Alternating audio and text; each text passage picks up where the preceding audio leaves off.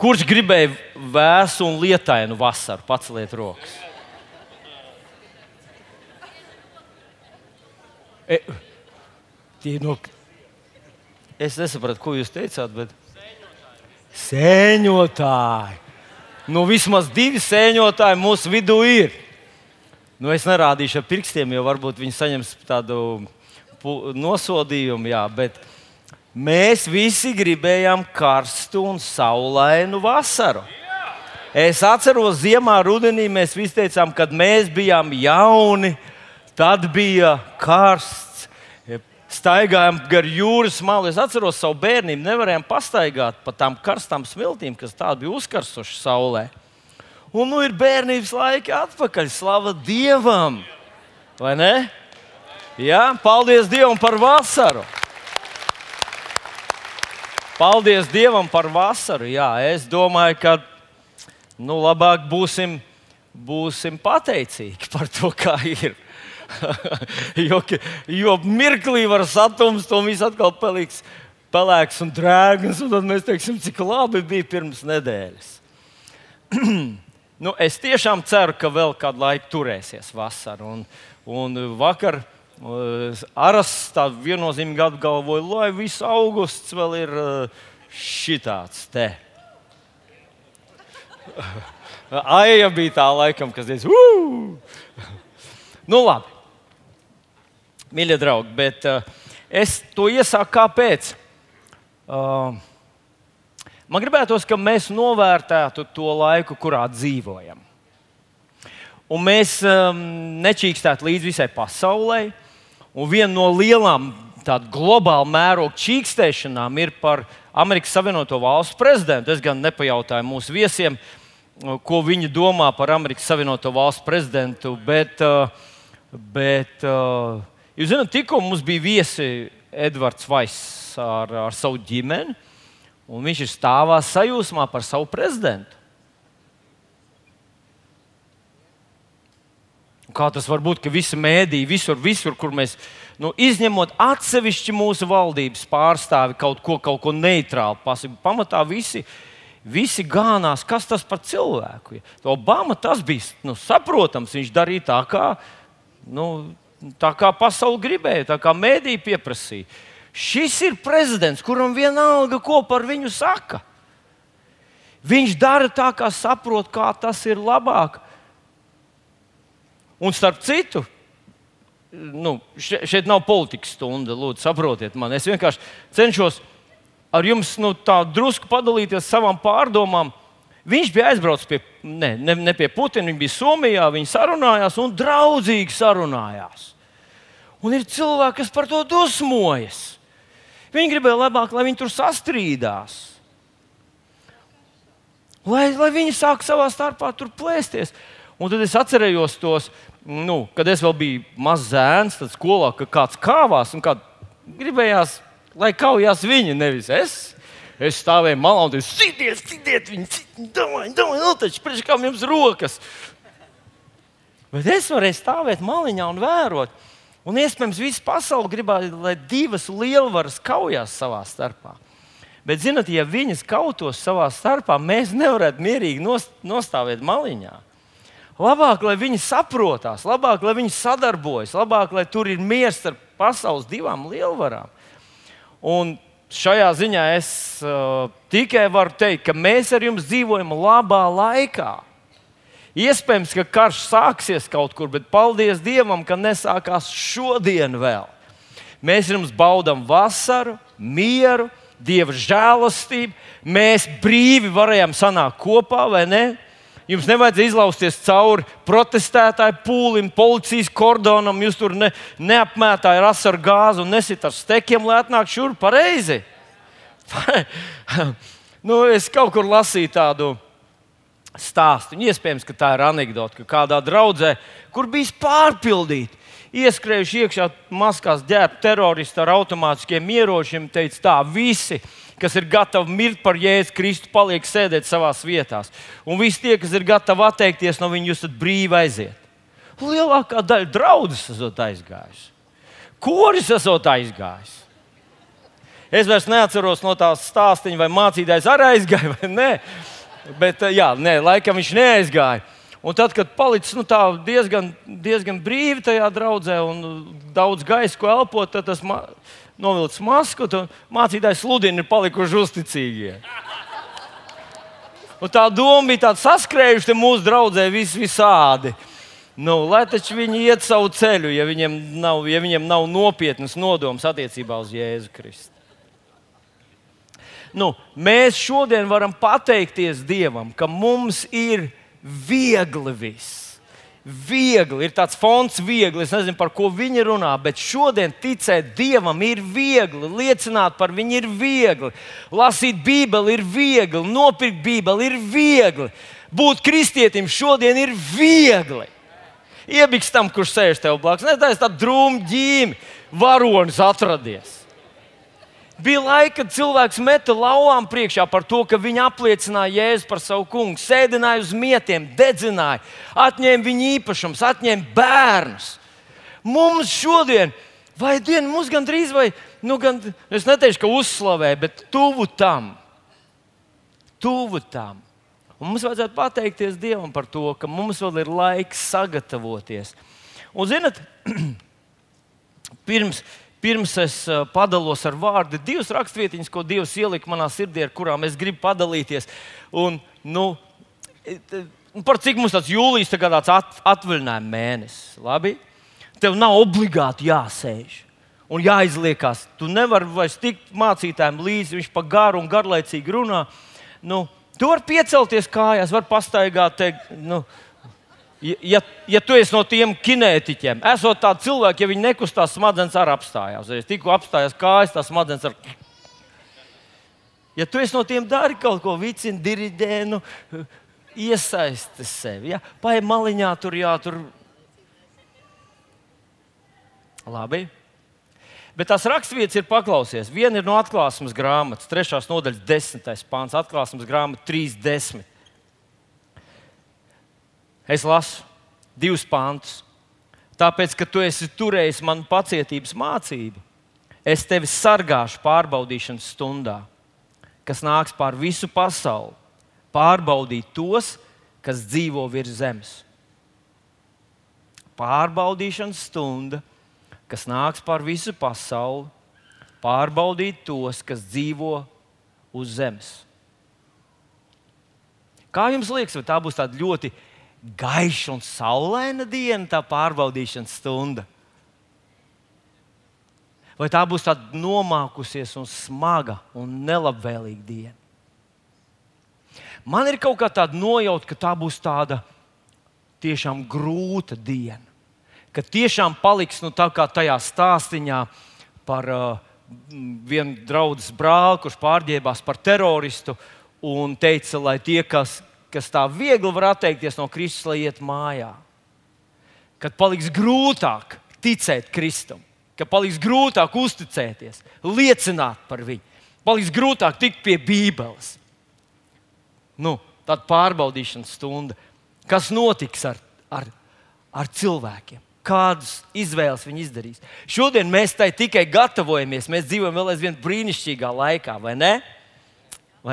Salmans kaut kur saka, ja labā laikā tu jau nogurs, ko tu darīsi pārbaudīšanas uh, laikā. Tāpēc šodien nav tas laiks, kad nogurt. Nav tas laiks, kad uh, vilties un uzdot un teikt, vai dieniņa, es esmu piekus, ir karsts un tā tālāk. Un tā otra rakstietiņa ir no Iesai grāmatas 49. nodaļas. Tā ir mūsu draudzes vīzija un redzējuma vieta.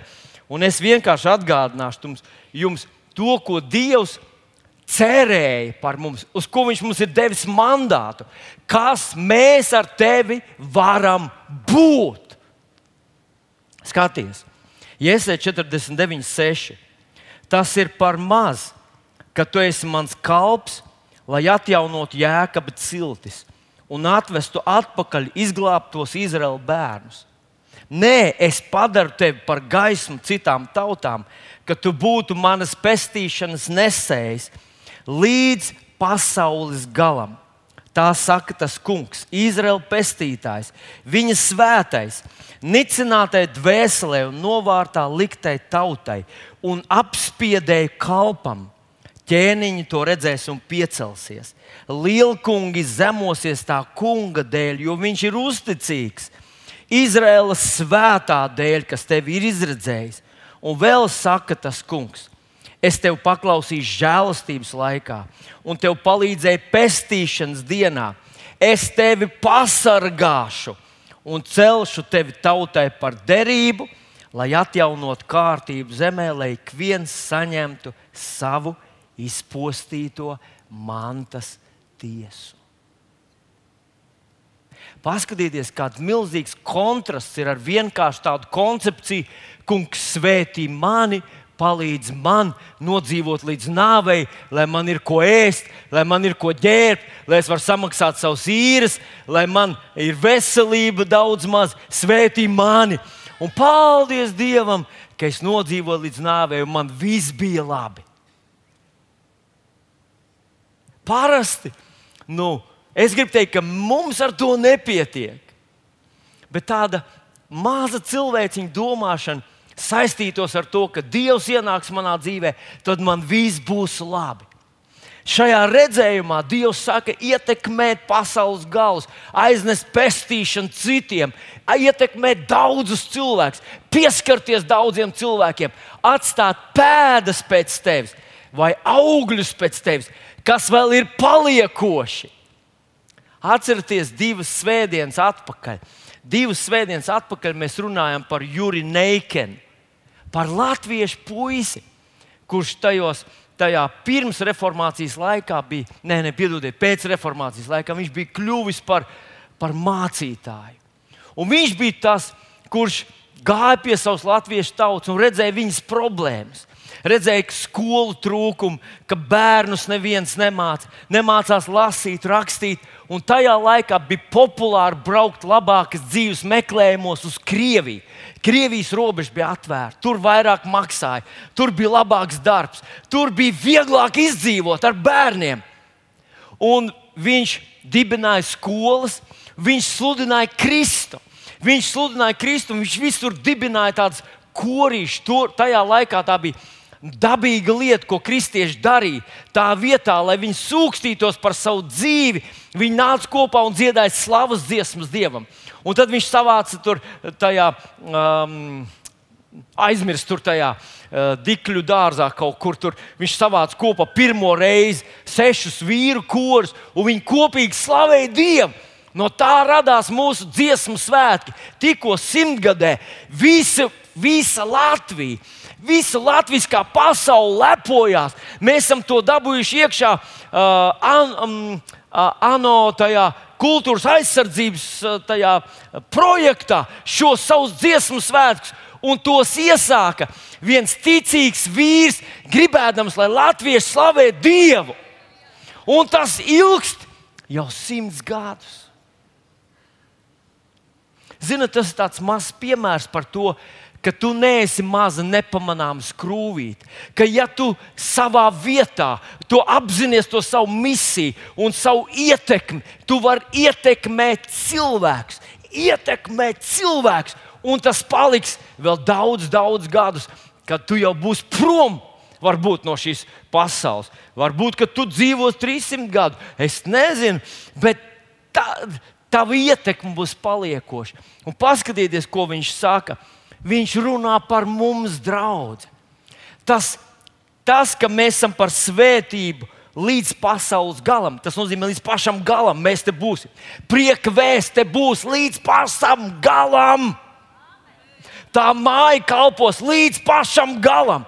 Cilvēki te nāks, Un, un, un viņi dzirdēs evaņģēlīju, un viņi varēs iesaistīties. Viņi varēs savus talantus, savus prasmes pielikt pie dieva darba. Viņi varēs ietekmēt savu nāciju, savu zemi līdz galam. Halleluja! Latvijai vajag tādu dāvanu līdz pasaules galam. Un tad viņš saka, tas burtiski attiecās uz mums, kad mēs sākām nicinātai dvēselē. Atcerieties, stāstīja par tiem apaviem mūsu, mūsu draugu padomus uh, uh, sapulcē, koridorī. Jūs atceraties? Atcerieties, jā, tie bija. Nu, mēs, bijām, mēs bijām mazi izbijušies cilvēciņi. Mēs vienkārši ticējām lielam dievam. Un Dievs mūs ir vedis un vadījis visus šos gadus. Mēs esam šeit, un šodien viņš mums saka, ka mēs varam ietekmēt Latviju. Kā minimums, Latviju, šo gurķu dobīti, mazo Latviju, ietekmēt tā. Paskatieties, lai ik viens saņemtu savu mantas tiesu. Ko tas varētu nozīmēt?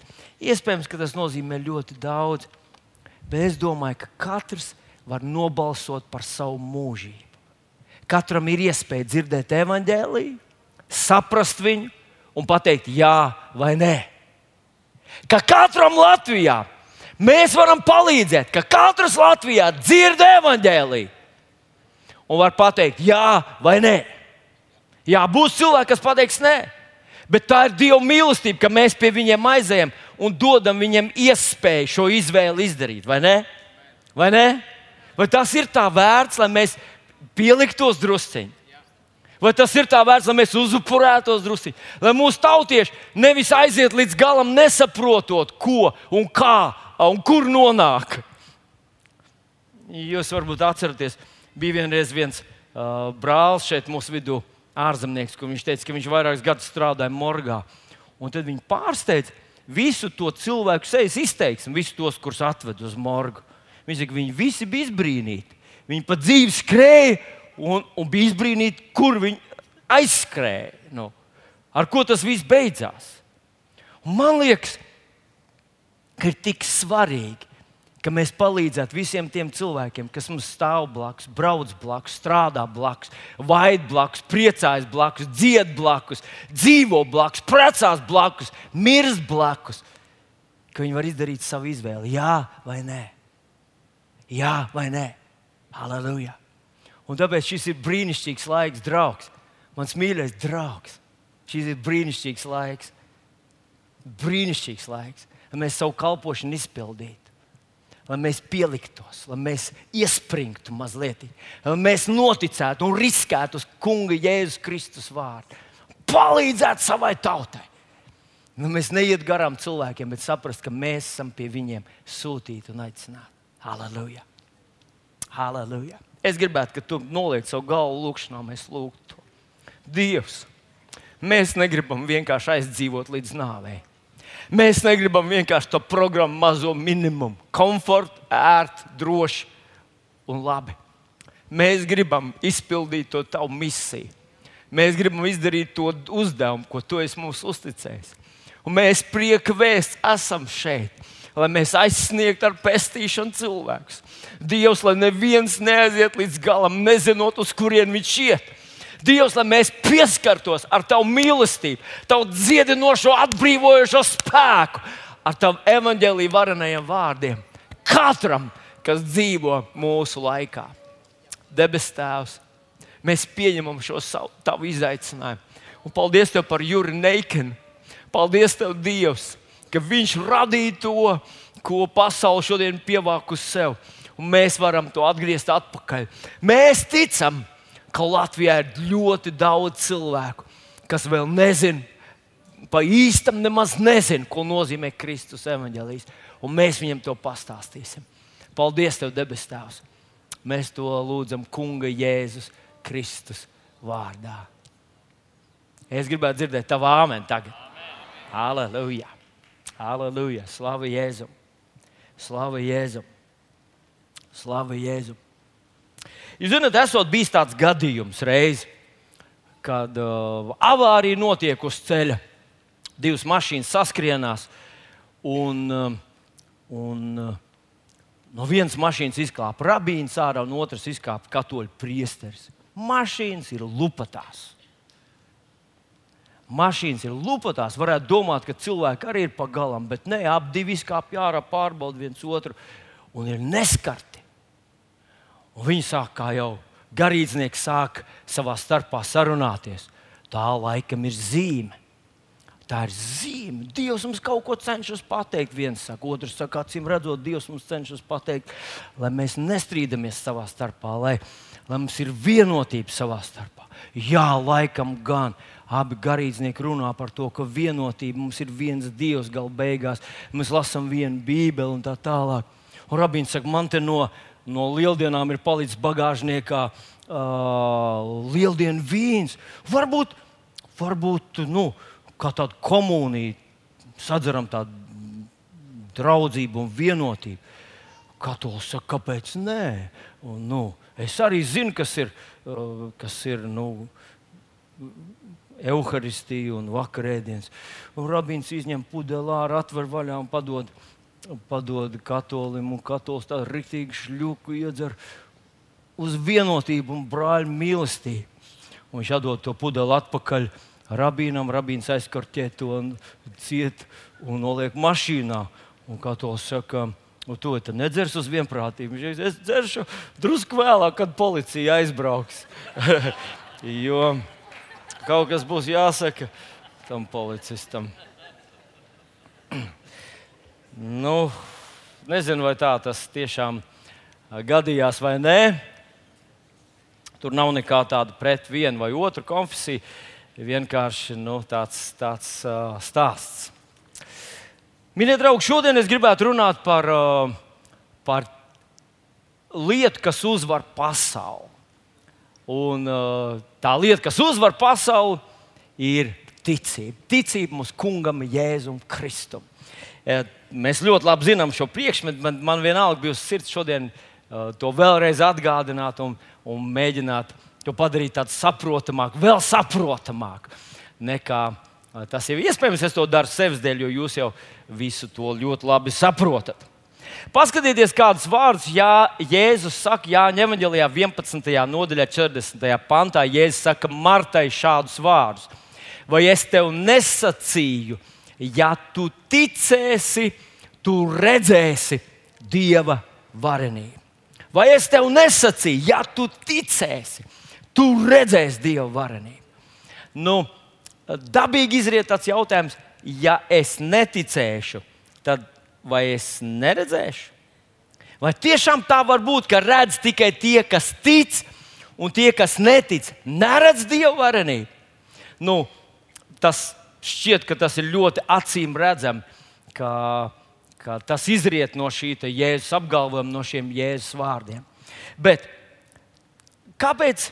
Kāpēc man šķiet tas svarīgi šodien atgādināt no vasaras vidū, kad viss ir tik skaisti un brīnišķīgi un, un mēs baudām savu dzīvi?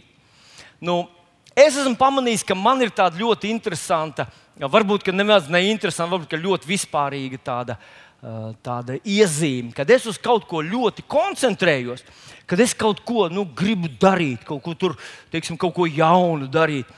Tad es brīžiem aizmirstu elpot. Un, Es atceros, ka kaut kādā sporta zālē kaut ko ņēmu.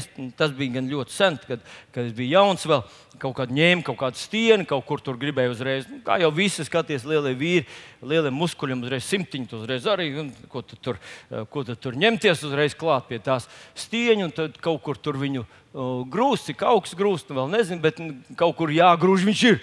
Un tu paņem to nu, zem ūdens, kaut ko tur Un tad es sev atgādinu, elpo taču, elpo. Es atceros, es sāku skriet, un tad skrienu, un gribās ātri skriet, un es, es pieķēru sev, ka es neelpoju. Un tad es jautāju kādam pieredzējušam sportistam blakus. Viņš saka, tā es esmu sev ietrenējis uz trim soļiem. Vai sanāca trīs, vai nesanāca, es nezinu, bet tā viņš dara. Burtiski sevi iemāca un pieradina, ka trīs soļos viņš ielpo un trīs soļos izelpo lai neaizmirst elpot. Jūs zināt, kas notiek, ja mēs neelpojam? Jā, nekas nenotiek. Mēs izskatāmies rozīgāk, jaunāk, uzreiz paliekam. Bet es sapratu, ka uh, brīžiem ir tāda, tu uz kaut ko tik ļoti koncentrējies. Un, un es atceros, kad es sāku braukt ar mocīti, mazliet atvainojos, ja to jau sāku apnikt ar šo. Te, tad man bija pāris reizes, kad es tā iekrampējos stūros, stūrē. Paskatieties, starp citu, tie, kas regulārāk brauc, paskatieties, viņiem rokās viņiem te ir, ir uh, tūznes. Mocisti, ne, ne klavieristi ir tādi, kas brauc ar kla, tā kā klavieru spēlē, vienkārši pats ar gamma, do mažors, fa mažors un visu laiku. bet ir tādi, kas tā drusku ekstrēmāk brauc. Viņiem rokās ir tāds tulsnis. Un es atceros, ka es krumpējos, tu, nu, dzīves palikt gribu un, un negribu, lai man viss beidzās šodien. Un aizmirst elpot. Un tam man nācās sev atgādināt, elpo, viņa elpo. Un cilvēku dzīvē arī bez šīm sportiskām aktivitātēm ir kaut kāda perioda, kad mēs uz kaut ko ļoti koncentrējamies. Varbūt ir mums piedzimst tikko bērni, vai mūsu laulība, vai mūsu darbs, vai biznesa, vai kaut kas tāds, kas ir ļoti svarīgs mūsu dzīvē. Un tad mēs uz to tik ļoti koncentrējamies, ka mēs aizmirstam pašu svarīgāko, ka mēs ilgi ar vienu koncentrēšanos, vien, ar to, ka mēs fokusējamies uz kaut ko, mēs ilgi neizvilksim. Faktiski mēs esam nolemti zaudējumam, ja mēs ne, e, neticēsim. Un tāpēc šodienas man tas pirmais punkts, man trīs vienkārši punktiņi šodien būs. Tas pirmais ir neaizmirsti ticēt.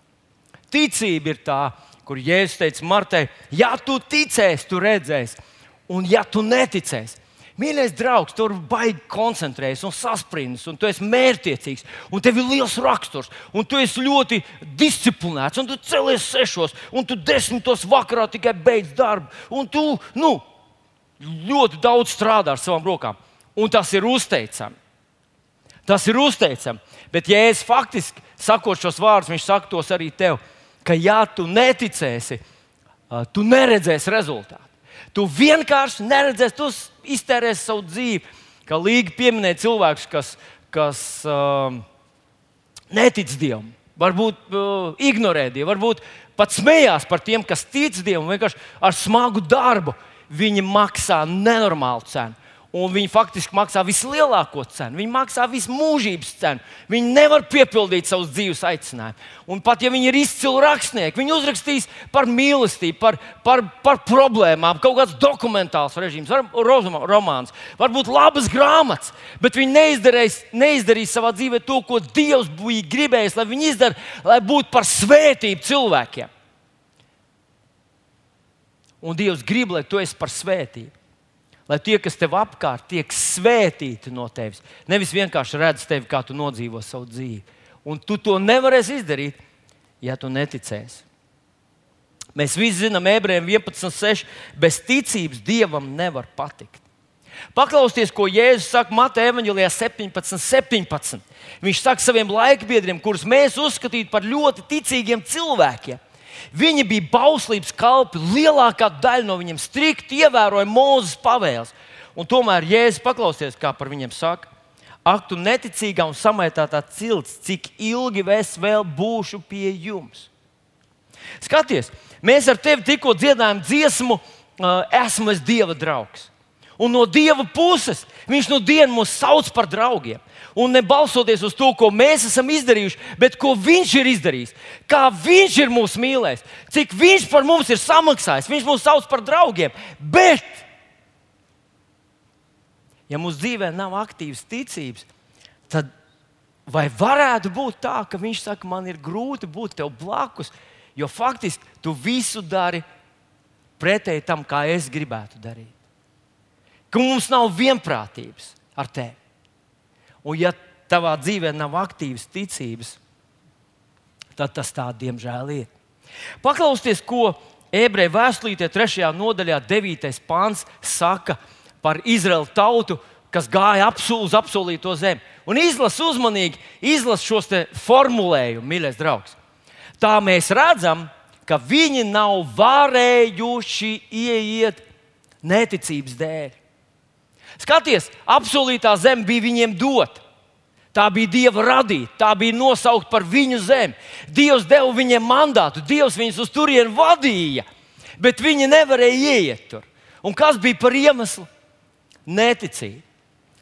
Uh, kas ir neticība? Neticība ir vienkārši ticības trūkums. Skaties, nevarēja ieiet. Nevarēja ieiet. Tur nav rakstīts, ka Dievs nevarēja viņus ievest. Nav rakstīts, ka Dievam mm, viņa apriebās vai, vai, vai Dievs sadusmojās uz viņiem. Tur burtiski pateicis, viņi nevarēja ieiet.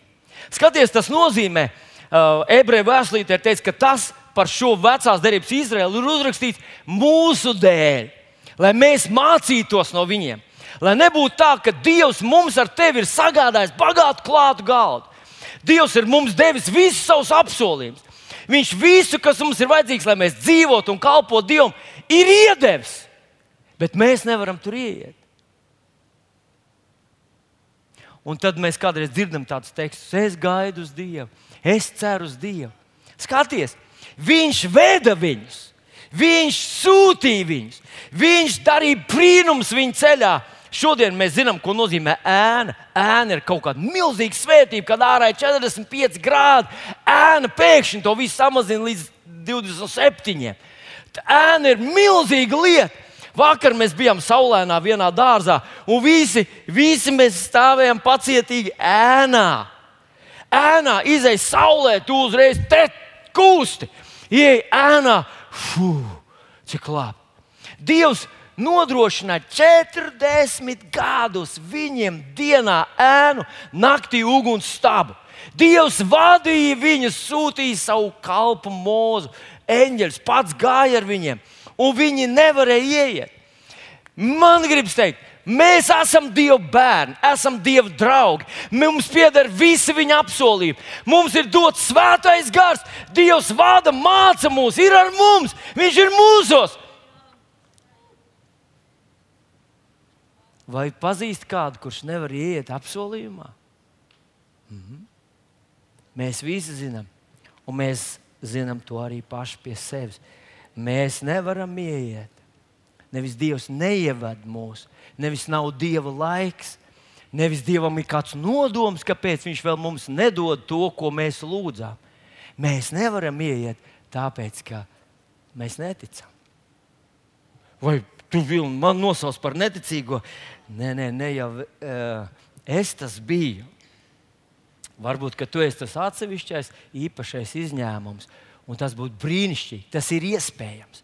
Ir iespējams būt cilvēkam, kurš tic Dievam pārdabīgās lietās un ieiet viņa apsolījumos. Un tu un es, mēs tie varam būt. Tā tad viņi nevarēja ieiet neticības dēļ. Ir tāds garāks stāsts, kur es nestāstīšu jums šodien, bet tas ir stāsts par, uh, par Jaira, uh, Jairu. Jairu, kur meitiņa bija slima. Un tad Jēzus iet ar viņu, un tajā ceļā viņam sūta pretī kalps, un tie kalpi viņam saka, tā meitiņa ir mirusi. Jūs apdomājieties, tēvs ved Jēzu pie savas mirstošā bērna, un tev atsūta no mājām ziņu, ka meitiņa jau ir nomirusi. Kas var būt sliktāk par to. Un tagad, kad viņš nu rīkojas tā, kā visi normāli mīloši tēvi rīkojas, kā rīkotos normāls mīlošs tēvs, kuram pasaka, ka viņa bērns ir nomiris? Kā viņš rīkojas? Sit plaukstas. Viņš saka, slava Dievam. Nē, mums pat par pienākumu, mēs pat varbūt uzskatīt par pienākumu visiem parādīt, pats, mana meita nomira. Ar viņu kas ir jādara? Ah! Ah! Ah! Dievs! Es ticu, es cerēju. Ah! Nu, tas ir pareizi, vai ne? Ko?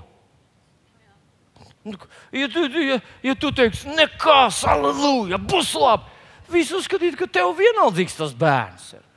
Nu, un ja es noteikti jūtu šīs emocijas, mans bērns, mīļais mans bērns. Es, es, es, man viņš ir tik dārgs. Varbūt tā bija viņa vienīgā meita, mēs nezinām. Un pēkšņi Jēzus pagriežās pret viņu un saka, nebīsties, tici tikai. Tagad padomājiet, kas ir vieglāk, vai mesties tajā sāpju atvarā. Mm. Ah! Tā darīt ir vieglāk. Piedodiet, tehnika.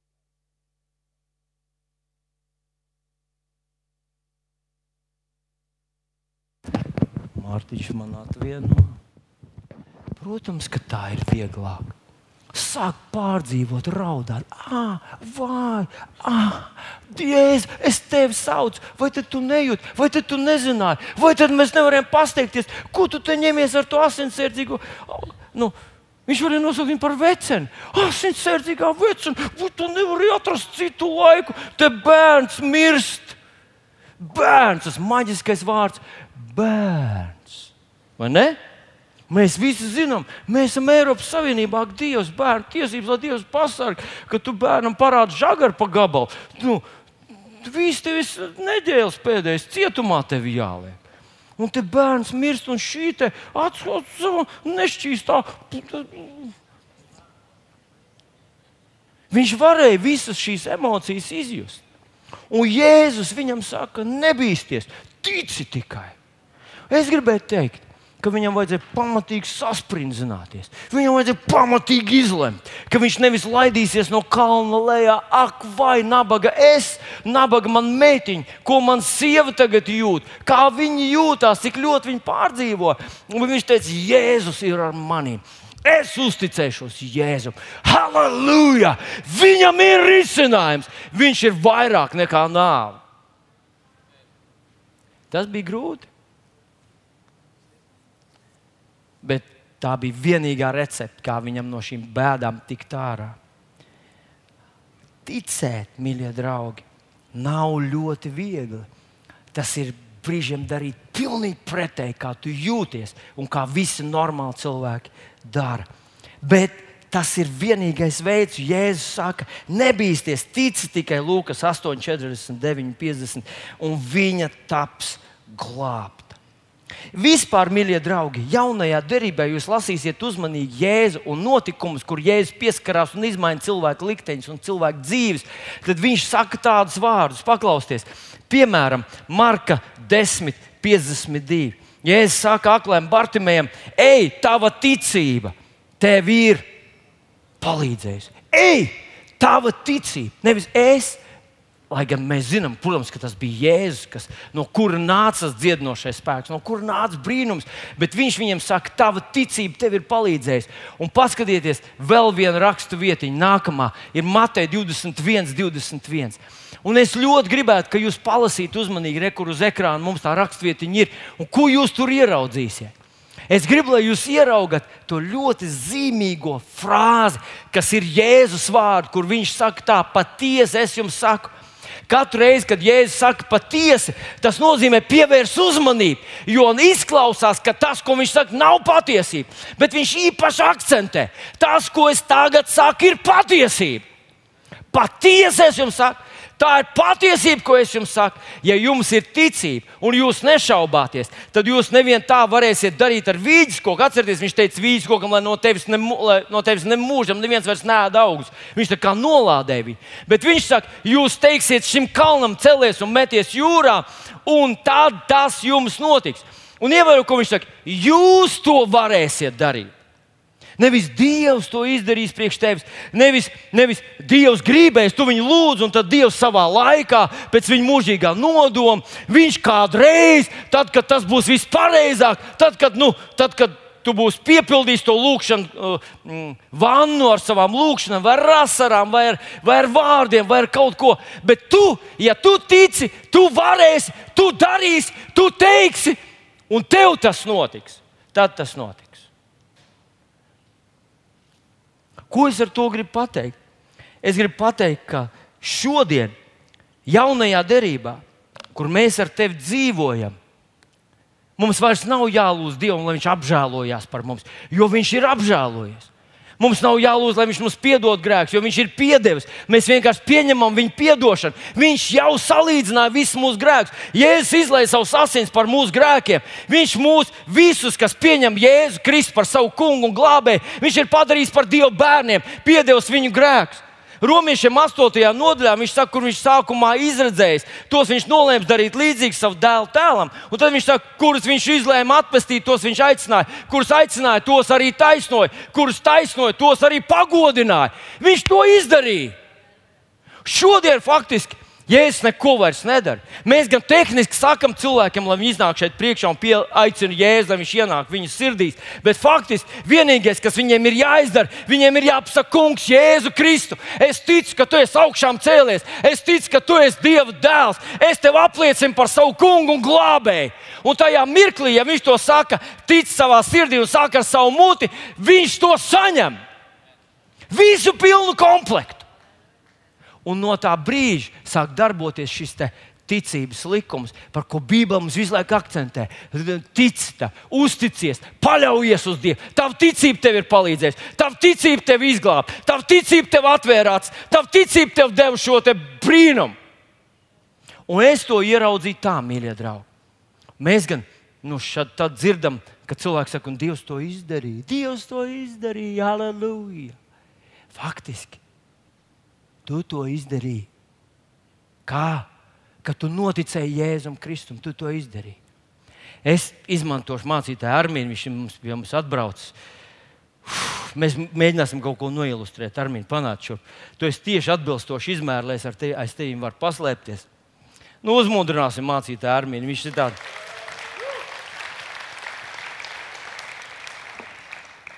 Jūs saprotat, ka viņš parasti vi, vi, uz visiem citiem rāda visus tādus trikus, un šodien uz viņa rādīsim. Armīn, tu atceries, kad mēs bijām bērni, mēs spēlējām tādu spēli.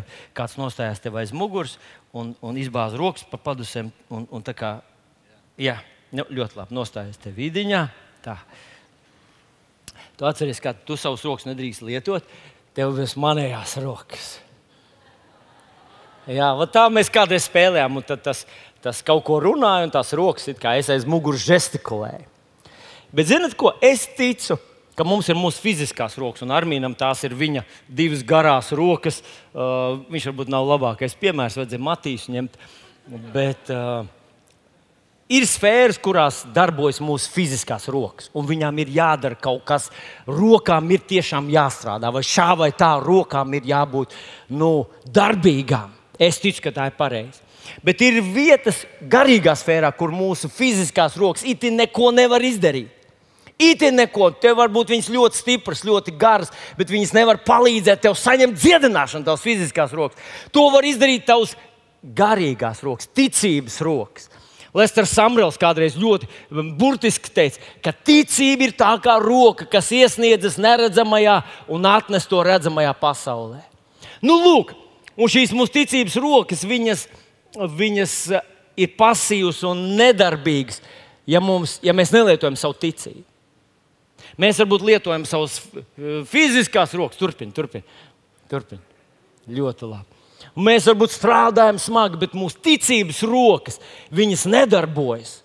No tā vien, ka mēs kaut ko gribam, mums vajag, mums sāp, mēs ļoti vēlamies, mēs sakām, uz debesīm kliedzam, apžēlojies, taču dari kaut ko, jā, paskaties, kur es nabaks, es jau ilgi te kalpoju, un tā tālāk, man ir tik grūti, sāpīgi, man vajag naudu, un tā tālāk, es esmu tavs bērns. Un mums Un dažreiz mēs sakām, Dievam, apžēlojies, nu, nu kā tu taču teici un solīji, un tā tālāk. Nu, nu, Dievs, es gaidīšu uz tevi, tu man nepametīsi kaunā.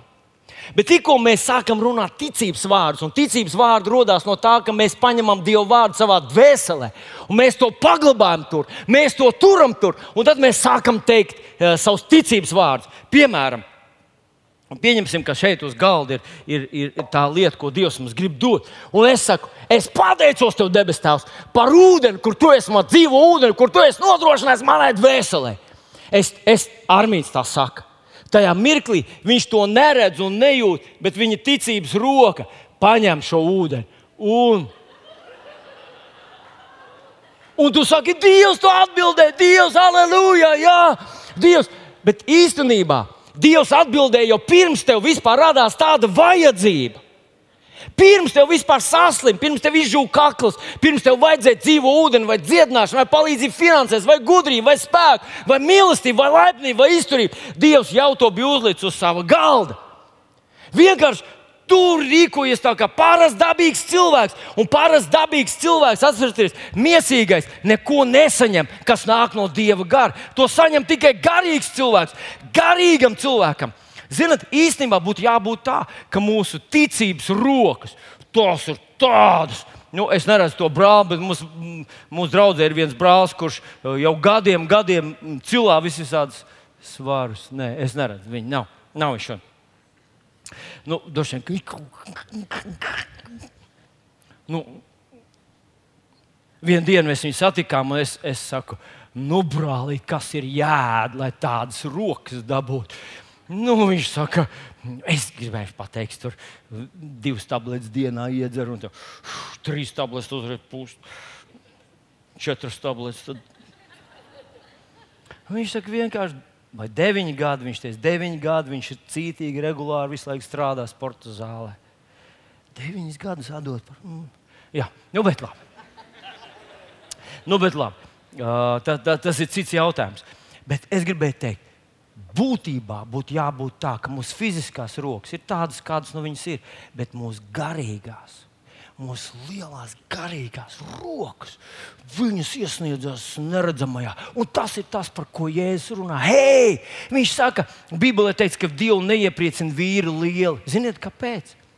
Tāpēc, ka kādreiz vīram liekas, ja viņš ir tāds, Nu, tad viņš savā dzīvē visu var izdarīt. Vajag artes, iešu uzvarš, vajag zāģēt koks, es iešu nozāģēšu, jāiet biznesa taisīt, es iešu taisīšu biznesu. Un viņš domā, ka viņš to var. Un Dievs saka, mīļais draugs, tu būtu daudz jaudīgāks, daudz spēcīgāks, ja tu lietot savus garīgās rokas, un tā ir tava ticība. Ja tu lietot savu ticību, tu vari kalnus pārcelt mūsdienās ir jaudīga tehnika. Un nekur neviens um, nav reklamējis tehniku, traktoru, ar kuru piebrauc pie kalna, pacel kalnu un iemet viņu jūrā. Un Jēzus par ticību teica, ka ticība ir tāds spēks. Tas ir iemesls, kāpēc Vēlns cenšas te paturēt tajā dabīgajā sfērā, lai tu paliec tur, kur tu esi. Nē, ar mani vēl nevar palaist. Es vismaz neesmu viens ar mani. Ja tev dzīvojas ūdens arī. Ai, ar mani pagaidi, načo. Nostājies. Lietosim mazliet tavas garīgās rokas. Ja man ir vajadzīga dziedināšana, man ir vajadzīga smaga dziedināšana. Ilgus gadus chroniski es esmu iegūmis jaunībā kaut kādu traumu, es esmu nesājis, un es ticu, ka ka tas ir, tas ir objektīvi, tas ir, piedodiet, ka žestikulē, tagad uh, rokām jābūt ir kabatā. Manām ticības rokām viņas nedarbojas, kamēr es runāju neticību. Tā tad man ir jāizdara, es tur jaunībā gāju. Es ne, nevienu negribu aizvainot. Man pašam ir tāds sajūta, es arī jaunībā biju satraumējies. Un man smadzenes man saka, tas no tā, tas no tā. Tu toreiz neko nesaprati, tu toreiz nezināji. Tu vienkārši tur nu, taisīji muļķības sporta zāli, tāpēc tev tagad sāp un sāpēs līdz mūža galam. Kā man vajadzētu saņemt dziedināšanu? Tas vecais ceļš ir Dievs. Nē, ceļš ir tās rokas. Dievs, jā, šīs rokas ir kā Dievs, apžēlies, man sāp plecs. Kad ir tavs laiks, kad tu gribēsi, ko tu gribi darīt ar to? Kāda ir tā mācība, ko tu man māci? Es jau visu esmu ap, apguvis, esmu pīslis, nevērtīgs pats no sevis, neko nevaru vienīgi tu. Nu, pareizi, vai ne? Bet kā man vajadzētu, ja es lietotu savu ticību un es ieraudzītu, ka Jēzus jau ir paņēmis? Man vajadzētu teikt, kungs, paldies tev par dziedināšanu. Es to pieņemu. Es pieņemu to, ko tu man sagādāji. Dziedināšana, Jēzus brūcēs, halleluja, es to pieņemu. Sāk darboties tās ticības, rokas, tās sniedzās tur iekšā Dieva neredzamajā sfērā un atnes to redzamajā. Un Protams, mēs esam gatavi to darīt vienu dienu, divas dienas. Jā, paldies par dziedināšanu, un tās rokas strādā. Paldies tev par dziedināšanu, aleluja! Paldies tev par dziedināšanu! Bet pēc trīs dienām mēs pataustām savu plecu, vai kas mums tur bija. Un... Nu, jā, ne, tā kā, tā kā nesāp vēl aizvien. Un mēs visu to beidzam. Bet atcerieties, Bībelē ir kaut kur pamācībās teikts, ka Dieva vārds ir kā zāles. Ziniet, ko? Man doktori teica, tas jau sen atpakaļ, viņi teica, ka pēc 40 vajag visu laiku katru vakaru dzert asinsspiedienu zāles. Ar viņu tu vari vēl pastāvēt. Drusci. Paldies! Tev. Vajag katru vakaru, vajag dzert asinsspiedienu. Es saku, kā līdz mūža galam, līdz mūža galam, tur tā tas ir. Pēc 40 asinsspiedienu lēkā un tā tālāk. Viņi uzskatīja, ka zāles palīdz pat, ja tu viņus dzer līdz 40 gadam, līdz mūža galam. Visu laiku jālieto zāles. Ir zāles, kuras vajag regulāri kaut ko tev, kaut kas pietrūkst, kaut kāds, nezinu, minerāls vai kaut kāds tur. Un, un tu to, tu to iedzer, un iedzer, un iedzer, un, un nepār. Un, un tad jums vajag izdzert visu to paklu, lai kaut kas mazliet palikt labāks. Piedod, Armīna, vēl vienu reizi mēs mēģināsim to. Es uzticoties kungam Jēzum, es lieku savas ticības rokas. Nemitīgi. Priekš manis tā ir vienalga, ko es jūtu, vienalga, ko es, kā, kā tas arī izskatītos.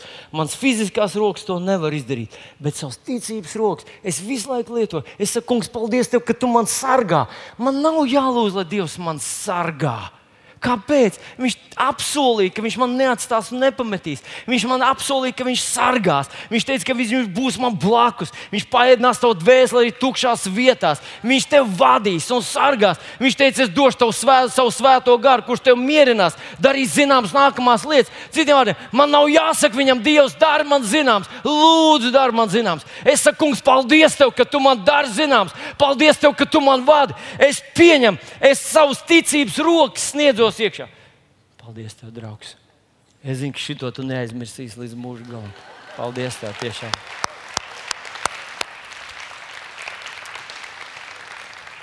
Es gribētu, ka jūs ievērojat, mīļie draugi, ka faktiski viņš ir atstājis to mūsu ziņā.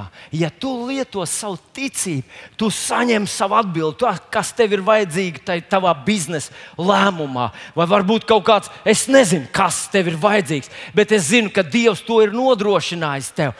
Un tas prasa laiku kādreiz, bet mēs jau zinām. Ka fiksās metodēs parasti ir visas viltus metodes. Ir jāuzticas Dievam, jāpaļaujas viņam, jālieto savu ticību. Tāds ir Dieva plāns. Un nākošā lietiņa, ko gribu, lai pavisam īsi izskriešu tai cauri. Ticība ir Dieva dāvana. Mēs zinām, ka tas uzrakstīts 2. pētera vēstulē, 1. nodaļā. Ir uzrakstīts, ka mēs esam saņēmuši to pašu dārgo ticību, kas bija apstuļiem. Mēs esam dabūjuši, tā ir dāvana, bet viņa neaugs pat no sevis ar to vien, ka mēs ceļamies un guļamies, ejam darba gaitās un nākam mājās, mūsu ticība nepaliks lielāka. No tā, ka mēs sēžam divkalpojumā un klausāmies Dieva vārdu, jā, tas darbojas. Jo Romiešiem 10, 17 rakstīts, ka ticība nāk no Dieva vārda un no, no Dieva vārda sludināšanas. Zini, ka tu dzirdi Dieva vārdu, tava ticība tiek aktivizēta. Bet, ja tu visu nedēļu klausies kaut ko citu, tava ticība atkal paliek kaut kādā tādā nērta, inertā stāvoklī. Ir jāpieliek pūles, ir jāpieliek pūles, lai tavu ticību pieaugtu. Un tas nozīmē darboties ar Dievu vārdu. Paklausties, rekāds, rekāds Jāņa evanģēlijā, 6. nodaļā, 29. pāns. Ir uzrakstīts tādu vārdu, tas ir mazliet revidēts teksts. Mūsu tekstā ir rakstīts, jo tas ir Dieva darbs, ka jūs ticat tam, ko Viņš ir sūtījis kungam Jēzum Kristum bet uh, es paskatījos oriģinālos tekstus, un tur ir rakstīts, ja ne oriģinālos, piedodiet, bet ir tāds krievu mūsdienu tulkojums, un tur rakstīts, tas ir jūsu darbs Dievam, ka jūs ticat. Un es to ieliku iekšā šajā tekstiņā. Tas ir die, Dievam veltīts darbs, ka jūs ticat tam, ko Viņš ir sūtījis.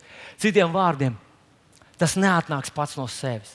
Tas nav kaut kas, ko Dievs mūsos dara, ka vienā rītā pamodies un skaties pa Dievu pa nakti, tevi ir izmainījis no rīta, tu tici.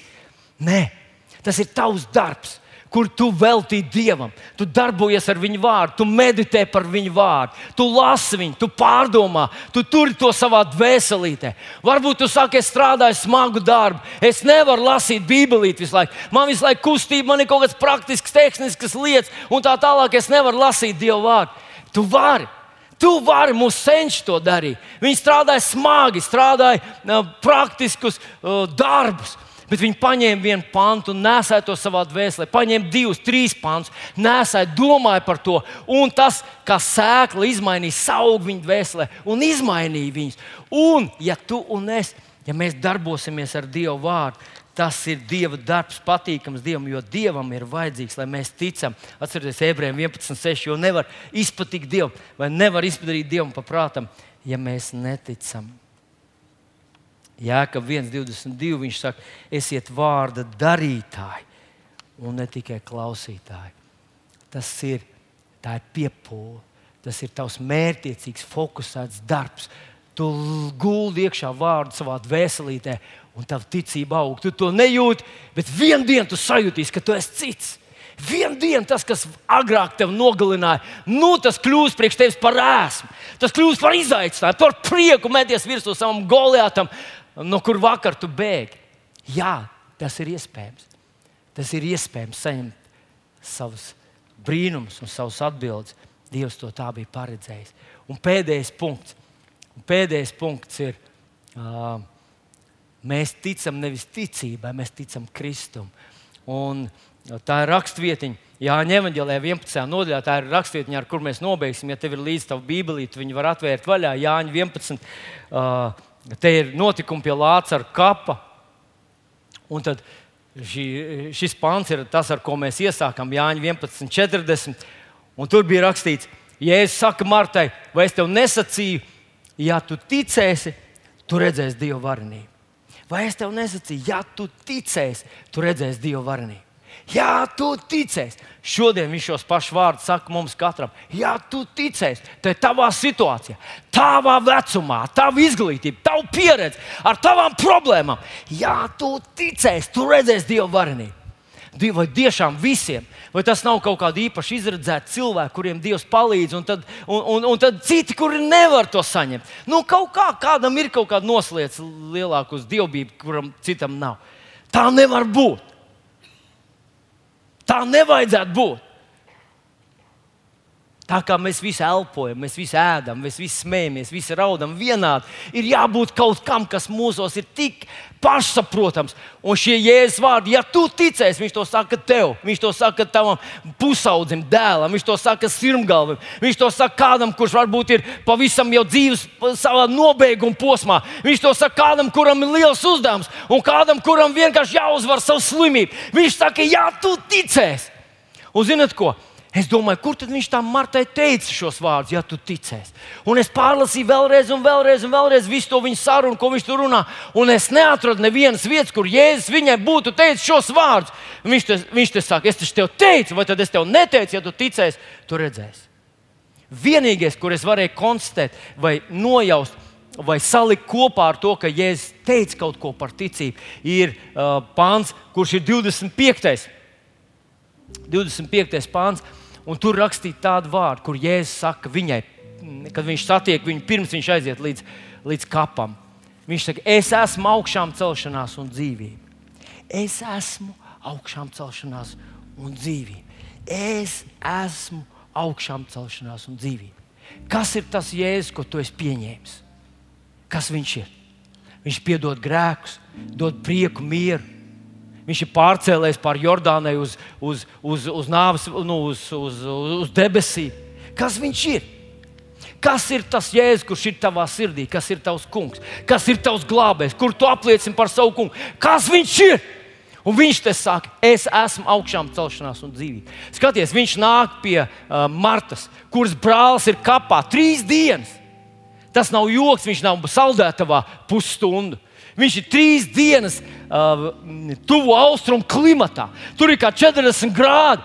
Mēs zinām, ka pēc dažām stundām jau līķa smaka, līķa indas, līķis paliek vienkārši nu, um, toksisks. Jēzus nāk pēc trim dienām, un viņš saka, kas ir atnācis? Ir atnākusi augšām celšanās un dzīvība. Un tad viņš tālāk saka, skaties, viņš saka, kas man tic, kas man tic, tas dzīvos, arī ja tas mirst dzīvos arī, ja tas mirst. Mans Jēzus ir augšām celšanās un dzīvība. Hei, augšām celšanās un dzīvība. Augšām celšanās. Es uh, droši vien jūs visi dzirdējuši šo vienu no Dieva vārdiem, kas saucās Dievs vairāk nekā vajadzīgs. Man šodien gribas teikt, Dievs precīzi tam, tas, kas ir vajadzīgs. Dievs, kurš ir precīzi tas, kas tev ir vajadzīgs. Dievs, kuram ir precīzi tas, kas tev ir vajadzīgs. Asinsērdzīgai sievai. Dievs, kurš ir precīzi tas, kas viņai bija vajadzīgs. Viņš neteica, es tikai miroņiem esmu atbildīgs. Viņš neteica, akliem bartimēm es tikai kurlos dziedinu. Viņš neteica, tīzlēm es tikai uh, redzi, redzi dziedinu. Bet Dievs, kurš precīzi tas, kas vajadzīgs bezdarbniekam, kurš vajadzīgs uzņēmējam, vīrietim, sievietēm, bērnam, pusaudzim, māksliniekam, politiķim. Dievs, kurš precīzi tas, kas tev ir vajadzīgs. Un visa problēma ir tāda, vai tu redzi šo lielo problēmu? Vai tu redzi Dievu, kurš ir lielāks kā tava problēma? Zini, tur tas stāsts ir tāds, kad Jēzus saka, noveliet to akmeni, tad Marta atnāk ar tādu zinātnisku pamatojumu. Saka viņam, kungs, viņš jau, viņš nesaka smird, viņš, viņš jau ož. Tā, tas, tas bija fakts. Tas, tas nebija nekas, nekas, nekas neticībā, tas nebija nekas aizspriedums, nekāds stereotips, tas nebija nekas nosodošs, tas nebija nekas tāds, jēzus, tu to nevarēsi. Kungs, viņš jau ož! Un jēzus viņai saka, vai tad es tev nesacīju? Kā tu sacīji, kad es tev teicu, ka es esmu augšām celšanās un dzīvība? Gīpē stāstīja, kad viņš bija sludinājis vienā vietiņā par to un, un, un, un liecinājis, ka Dievs būs cēlis no miroņiem vienu cilvēku. Viņš bija lūdzis par to cilvēku un tas cilvēks tika uzcelts no miroņiem. Bet tādā mazā atkāpīte. Lūdzu, lūdzu par to cilvēku, kamēr viņš vēl dzīves. Nesagaidiet, ka viņš nomirst un tad tā, ah, nu labi, tagad es, es iesaistīšos. Nē, lieto savu ticību jau, jau no paša sākuma. Lieto viņu, nenolaid lietas, neļauj goliātiem izaugt lieliem, nogalini viņus pašā saknē. Tikko tev uzbruk, tikko tev piezogās, tikko tu sajūti, tikko ir grūti, tikko tu saki, ka vēlams jūt, ka vēlams uzbruk tev, sit viņam ar visu jaudu lādē visas savas pogas, spied, lieto savu ticību. Sakauj viņu tad. Un tad Gigants saka, viens viņam zvana, saka, paklausies, atbrauciet, mums te nu, nomira brālis. Un tā. un viņš saka, cik sen tas notika? Un viņš saka, pirms trim gadiem. Pirms trim gadiem es jūs aizvīšu uz kapa vietu. Jūs. Nu, Es nezinu, ko Jēzus būtu eh, darījis tajā, tajā vietā, bet es zinu, ka pienāks diena, kad visi, visi celsies augšā. Tie, kas 3 gadus, 30 gadus, 300 gadus, 3000 gadus būs gulējuši zem zemes, viņi visi uzcelsies augšā. Un visi stāvēs Dievu godu krāsā priekšā. Halleluja! Jo tas Jēzus, kuram tu un es ticam, viņš ir augšām celšanās un dzīvība. Augšām celšanās un dzīvība. Halleluja! Brāļmās, piecelsimies kājās. Halleluja! O, debes Tēvs! Te mēs esam tavā priekšā. Mēs pateicamies, Kungs. Mēs pateicamies par tavu mīlestību. Mēs pateicamies, ka tu esi saklājis mums galdu. Mēs pateicamies, ka mums nav jāpierunā, jāizlūdzas, mums nav jāpiespiež tevi rīkoties, ka mēs varam pienākt pie šī bagāta klātā galda un paņemt no vis tā, ko tu mums dod. Jo mūsu glābējs ir precīzi tas, kas mums ir vajadzīgs. Augšām celšanās un dzīvība. Jēzu! Tu esi augšām celšanās un dzīvība. Jēzu, tu esi mans kungs. Jēzu, tu esi manī. Jēzu, es esmu tevī. Jēzu, es uzticos tev. Jēzu, es paļaujos uz tevi.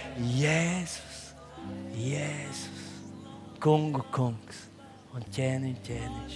Halleluja! Es tev pateicos. Tad pacel savus rokas un līdz ar maniem pasak savus ticības vārdus. Saka, es pateicos tev, ka tu esi man izglābis. Cik vien vienu cilvēku varēja izglābt? Tik tu man esi izglābis. Cik vien vienu cilvēku vajadzēja dziedināt?